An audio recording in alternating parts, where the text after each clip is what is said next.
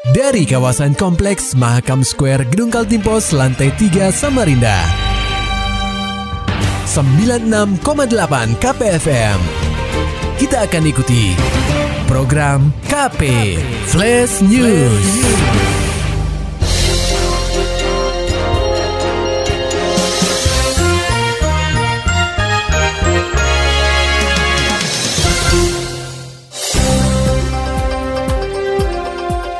Anda sedang menyimak program KP Flash News bersama saya Agung Pratama. Pendengar KP Dinas Perpustakaan dan Kearsipan Daerah atau DPKD Kaltim terus berupaya melakukan pengarsipan terhadap koran-koran yang terbit pada zaman dahulu. Menurut pustakawan Ruang Terbitan Berkala DPKD Kaltim Yeniwati, sejauh ini koran terlama yang tersimpan di perpustakaan memiliki waktu terbit pada medio 1970-an. Koran-koran itu dibundel dan disimpan di dalam ruang deposit di perpustakaan Kaltim. Yeniwati menjelaskan ruang deposit dibuat khusus untuk menyimpan beberapa terbitan berkala yang membahas tentang Kaltim, baik itu koran, majalah, buletin maupun jurnal. Namun yang diarsipkan hanya koran daerah, karena koran nasional sudah diarsipkan oleh Perpustakaan Nasional. Yeniwati memaparkan pengadaan terbitan berkala ini di perpustakaan Kaltim ada yang rutin dibeli. Contohnya seperti empat jenis koran terbitan nasional dan tiga jenis koran terbitan lokal. Sejauh itu ada juga yang berasal dari kiriman instansi-instansi atau hibah dari masyarakat seperti buletin dan jurnal. Ya ini menerangkan pengunjung ruang terbitan berkala biasanya kebanyakan dari kalangan mahasiswa atau orang kantor yang mencari referensi jurnal. Namun koleksi jurnal tersebut terbatas dan hanya satu judul satu eksemplar. Lebih lanjut, Yeni berharap ruang terbitan berkala di perpustakaan Kaltim dapat terus berkembang dan memberikan pelayanan yang baik kepada masyarakat. Yeni juga mengajak masyarakat untuk memanfaatkan fasilitas perpustakaan yang tersedia, salah satunya dengan menikmati koleksi terbitan berkala yang ada di perpustakaan Kaltim. Pendengar KP sebagai upaya untuk memperkaya koleksi buku yang tersimpan di rak perpustakaan, Dinas Perpustakaan dan Kearsipan Daerah atau DPKD Kaltim mengajak penulis lokal untuk menyerahkan karya mereka untuk ditampilkan di perpustakaan. Pustakawan DPKD Kaltim, Fatimah Irni, menekankan bahwa pihaknya selalu bersedia untuk menampung buku-buku terbitan penulis lokal di benua etam. Menurutnya, para penulis di Kaltim memiliki potensi untuk menghasilkan karya buku yang dapat dihimpun sebagai bacaan di perpustakaan daerah. Fatima menerangkan karya-karya tulisan atau buku penulis lokal itu dapat diserahkan langsung kepada DPKD Kaltim dan nantinya akan diregistrasi sebagai koleksi perpustakaan. Fatima menambahkan untuk penulis Kaltim, diharapkan dapat memberi tempat untuk memperbanyak jumlah buku mereka ke depannya, karena kehadiran buku-buku penulis lokal dapat memperkaya variasi bacaan serta menambah jumlah koleksi judul buku yang ditargetkan DPKD Kaltim. Sementara itu pendengar KP Dinas Perpustakaan dan Kearsipan Daerah atau DPKD Kaltim menggelar rapat koordinasi atau rakor pengawasan sistem kearsipan internal pada Selasa 31 Oktober 2023 lalu. Kegiatan ini dihadiri 13 organisasi perangkat daerah atau OPD dengan total 30 peserta. PLH Kepala DPKD Kaltim Taufik menyampaikan bahwa kegiatan ini bertujuan untuk memastikan pengelolaan arsip pada setiap OPD di Kaltim berjalan sesuai mekanisme. Agar lebih menarik, pihaknya dapat berdiskusi dua arah bersama pengelola arsip pada masing-masing OPD. Taufik mengatakan DPKD Kaltim tidak bermaksud menggurui setiap peserta yang hadir pada rapat ini. Sebagai dinas yang bertugas melakukan pembinaan dan pendampingan, pihaknya tentu berusaha memastikan tata kelola arsip dapat ditaati supaya arsip setiap OPD dapat tersusun secara rapi dan terstruktur. Senada dengan Taufik, Kepala Bidang Pembinaan Kearsipan dan Tenaga Kearsipan, Diana Rosalita, berharap diskusi pengawasan internal dapat menjadi ruang bagi setiap pengelola arsip untuk menyampaikan progres, kendala, serta hal-hal yang masih membutuhkan bimbingan oleh DPKD Kaltim mengenai arsip agar mendapatkan titik terang dalam pelaksanaan. Lebih lanjut, dia berharap Pertemuan ini dapat meningkatkan kesadaran masing-masing OPD bahwa pengelolaan arsip harus berdasarkan mekanisme dan standar. Ini dilakukan agar arsip pada OPD dapat terawat dan terselamatkan apabila sewaktu-waktu musibah seperti kehilangan, kerusakan hingga bencana dapat mengancam pada arsip. Sesaat lagi kita akan simak Parlamentaria DPRD Kaltim persembahan dari 968 KPFM Samarinda.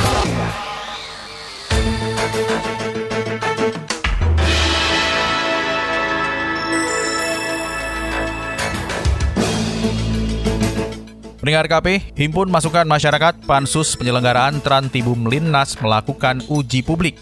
Laporan selengkapnya akan disampaikan reporter KPFM Samarinda, Muhammad Nur Fajar.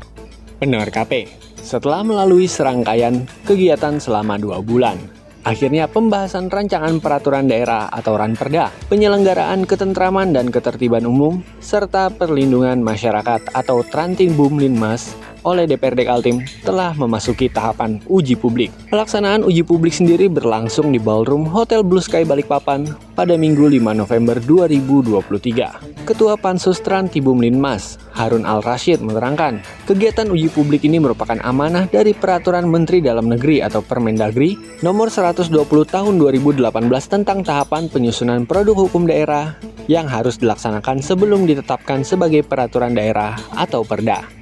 Selain itu, kata Harun, tujuan diadakan kegiatan ini ialah untuk menghimpun masukan dalam penyusunan ranperda agar lebih komprehensif sehingga regulasi yang disusun mampu memberikan kepastian hukum perihal hak-hak masyarakat.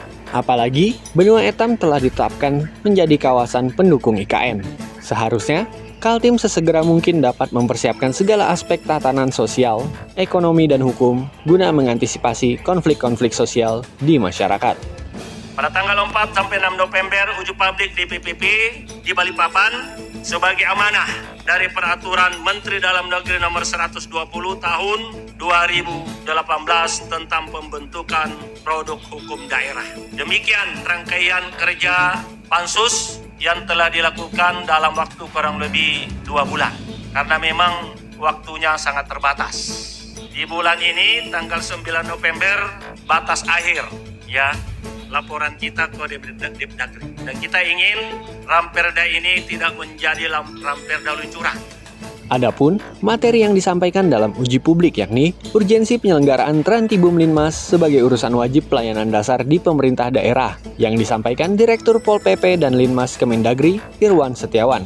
Materi lainnya yakni penerapan penyelenggaraan Trantibum Linmas dan peran penegakan Perda serta Perkada Kaltim yang disampaikan langsung Kepala Satpol PP Kaltim AFF Sembiring dan materi ruang lingkup peran Perda inisiatif Pemprov Kaltim tentang penyelenggaraan Trantibum Linmas yang disampaikan Ketua Pansus Harun Al-Rashid. KPFM Samarinda, Muhammad Nur Fajar melaporkan.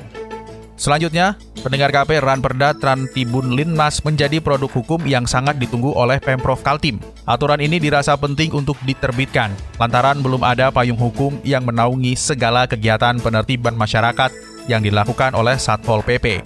Hal tersebut disampaikan oleh Wakil Ketua DPRD Kaltim Senoaji saat memberi sambutan dalam pembukaan kegiatan uji publik Ranperda Penyelenggaraan Ketentraman dan Ketertiban Umum serta Perlindungan Masyarakat atau Trantibun Limnas di Ballroom Hotel Blue Sky Balikpapan, Minggu 5 November 2023. Senoaji memaparkan uji publik ini perlu dilaksanakan karena pemerintah pusat telah menerbitkan Undang-Undang Nomor 26 Tahun 2020 tentang Trantibum Limnas, di mana Pemprov Kaltim belum memiliki payung hukum di daerah supaya Satpol PP bisa mendapatkan perlindungan hukum.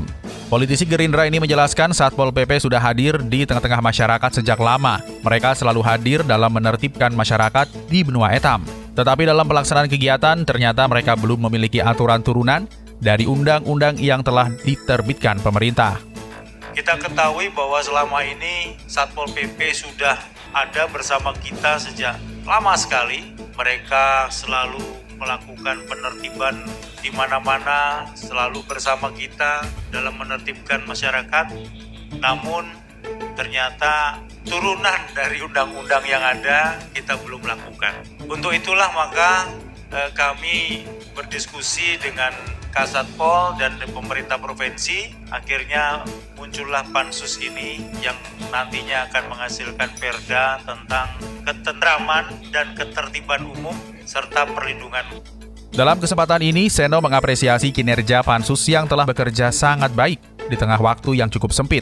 Ia berharap Pansus dapat menyelesaikan seluruh mekanisme pembahasan perda tersebut sehingga aturan ini menjadi dasar hukum bagi Satpol PP dalam penyelenggaraan penertiban kepada masyarakat. Pendengar KP Komisi 4 DPRD Kaltim mendorong Dinas Kesehatan atau Dinkes Kaltim untuk membantu mempercepat proses akreditasi seluruh rumah sakit dan puskesmas di seluruh wilayah Kaltim. Wakil Ketua Komisi 4 DPRD Kaltim, Puji Setiawati, menekankan pelayanan dasar itu harus punya sertifikasi karena dalam pelayanannya tidak hanya tersedia alat-alat yang cukup, tetapi juga sumber daya manusia atau SDM yang mumpuni. Puji menjelaskan akreditasi adalah salah satu syarat untuk meningkatkan kualitas pelayanan kesehatan bagi masyarakat. Rumah sakit yang memiliki peralatan canggih juga perlu dukungan tenaga kesehatan yang mumpuni. Komisi 4 DPRD Kaltim juga berkomitmen untuk mengawasi dan mendukung akreditasi pada pelayanan dasar seperti puskesmas. Puji menuturkan bahwa SDM kesehatan di Kaltim sampai saat ini masih belum rata. Meskipun secara rasio tenaga kesehatan secara keseluruhan ada kecukupan, namun sebarannya tidak merata, terutama di daerah tertinggal, terdepan dan terluar yang masih kekurangan dokter spesialis.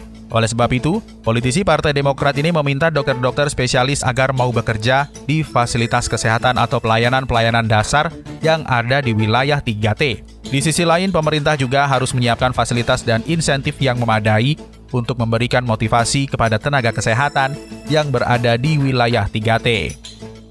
Berita selanjutnya pendengar KP, perkebunan rakyat kerap dipandang sebelah mata oleh pemerintah. Sikap itu berbeda terbalik dengan apa yang dilakukan oleh pemerintah terhadap perusahaan besar yang bekerja di bidang perkebunan. Adanya kesenjangan itu dikritisi oleh anggota Komisi 2 DPRD Kaltim, Agil Suwarno. Politisi PDIP ini menekankan kepada Pemprov Kaltim untuk bisa mengembangkan perkebunan rakyat dengan memberikan bantuan untuk aktivitas perkebunan rakyat sehingga kebun yang dikelola oleh rakyat juga mendapat kesejahteraan. Agil membeberkan walau setiap tahun Pemprov Kaltim selalu menganggarkan bantuan di sektor perkebunan melalui APBD, namun anggaran itu tidak sampai menyentuh mereka yang menjalankan perkebunan rakyat. Meski demikian, ada alasan dibalik minimnya porsi bantuan untuk perkebunan rakyat. Pemerintah tidak bisa bergerak karena status lahan yang dikelola oleh masyarakat. Mayoritas masih berstatus hak guna usaha atau HGU perusahaan. Oleh sebab itu, Agil mendorong organisasi perangkat daerah atau OPD terkait di lingkup Pemprov Kaltim bisa menyelesaikan permasalahan ini serta cermat dan teliti dalam menetapkan status lahan perkebunan masyarakat. Kita beralih ke Kutai Timur, pendengar KP. Kondisi pasar induk Sangatta Utara sepi dari pengunjung yang berbelanja. Kuat dugaan kehadiran pasar tumpah di sekitar kawasan tersebut membuat masyarakat enggan berkunjung ke pasar induk. Permasalahan ini pun tidak luput dari perhatian anggota DPRD Kaltim, Agus Aras. Bahkan legislator daerah pemilihan atau Dapil Kutai Timur, Bontang dan Berau ini selalu menerima keluhan dari para pedagang yang merasa pengunjung pasar induk di Sangatta Utara semakin berkurang. Agus Aras menyampaikan persoalan ini perlu dilihat secara menyeluruh dan utuh, sebab para pedagang yang berjualan di dalam pasar induk mengaku adanya pengurangan konsumen yang cukup signifikan. Padahal pasar yang berlokasi di Jalan Ilham Maulana, Kecamatan Sangatta Utara ini memiliki luas kurang lebih 6 hektar, serta dapat menampung pembeli dan pedagang dengan lebih teratur. Agus sangat menyayangkan banyaknya pedagang yang beraktivitas di luar wilayah pasar induk. Contohnya, banyak sekali pasar tumpah yang ditemukan di sekitar pasar. Dirinya menilai munculnya pasar tumpah akan mengganggu aktivitas jual beli pedagang maupun kontribusi pendapatan asli daerah atau PAD. Pasalnya, hanya pedagang yang berjualan di dalam pasar induklah yang berkontribusi terhadap PAD dalam bentuk retribusi. Sementara untuk pasar tumpah itu tidak membayar retribusi, sehingga tidak berkontribusi pada PAD. Tidak hanya dilihat dari sisi ekonomi, politikus Partai Demokrat ini menyampaikan pasar tumpah yang berlokasi di bahu jalan pasti sangat mengganggu arus lalu lintas maupun keindahan kota. Untuk itu dia berharap kepada Pemkap Kutai Timur atau Kutim melalui OPD terkait untuk mengambil langkah-langkah penertiban pasar tumpah. Terima kasih. Baru saja kita simak Parlamentaria DPRD Kaltim. Persembahan 968 KKPFM Samarinda. Pendengar KP, warga Kutai Barat di alun-alun Ito Sendawar gegap gempita menyambut kedatangan Presiden Joko Widodo alias Jokowi. Kedatangan orang nomor satu di Indonesia itu dalam rangka menghadiri sekaligus memperingati hari ulang tahun ke-24 Kabupaten Kutai Barat. Jokowi pun mengungkapkan kebahagiaannya bisa hadir menyapa warga Kutai Barat dalam kemeriahan perayaan HUT Kabupaten asal pemekaran Kutai Kartanegara itu. Dalam kesempatan itu, Jokowi juga menyampaikan pesan kebangsaan sebagai negara besar dengan kemajemukan yang memiliki 714 suku. Jokowi berpesan agar setiap warga selalu menjaga keutuhan dan persatuan bangsa. Ia pun memuji Kabupaten Kutai Barat yang dinilainya mampu menjaga toleransi kerukunan umat beragama serta di sisi yang sama terus melestarikan tradisi budaya. Dan melalui festival-festival budaya seperti ini, kita bisa saling belajar tentang kekayaan tradisi dan nilai-nilai budaya, toleransi, kerukunan, keharmonisan yang sudah diwariskan oleh para leluhur kita terdahulu. Dan saya melihat semangat Bhinneka Tunggal Ika ini bisa diwujudkan secara nyata di Kutai Barat. Saya lihat di sini, saya tahu di sini semuanya rukun-rukun, benar. Selalu menjaga kekompakan dan kerukunan, betul. Kehadiran Jokowi di Festival Dahau, Kubar dirangkai dengan penganugerahan gelar kehormatan bangsawan adat kepada sang kepala negara. Penganugerahan gelar kehormatan tersebut diserahkan langsung oleh Kepala Lembaga Adat Besar atau LAB Kabupaten Kutai Barat, Manar Dimansyah. Menutup rangkaian giatnya di Kutai Barat, Jokowi juga berinteraksi dengan para warga, memberikan kuis berhadiah sepeda, berfoto selfie bersama, dan menyalami para warga yang hadir. Maulani Alamin, Muhammad Nur Fajar, KPFM Samarinda. Serta dapatkan berita-berita selengkapnya di www.968kpfm.co.id. Demikian tadi telah kita simak rangkaian berita-berita yang terangkum dalam program KP Flash News. Persembahan dari 96,8 KPFM. Terima kasih dan sampai jumpa.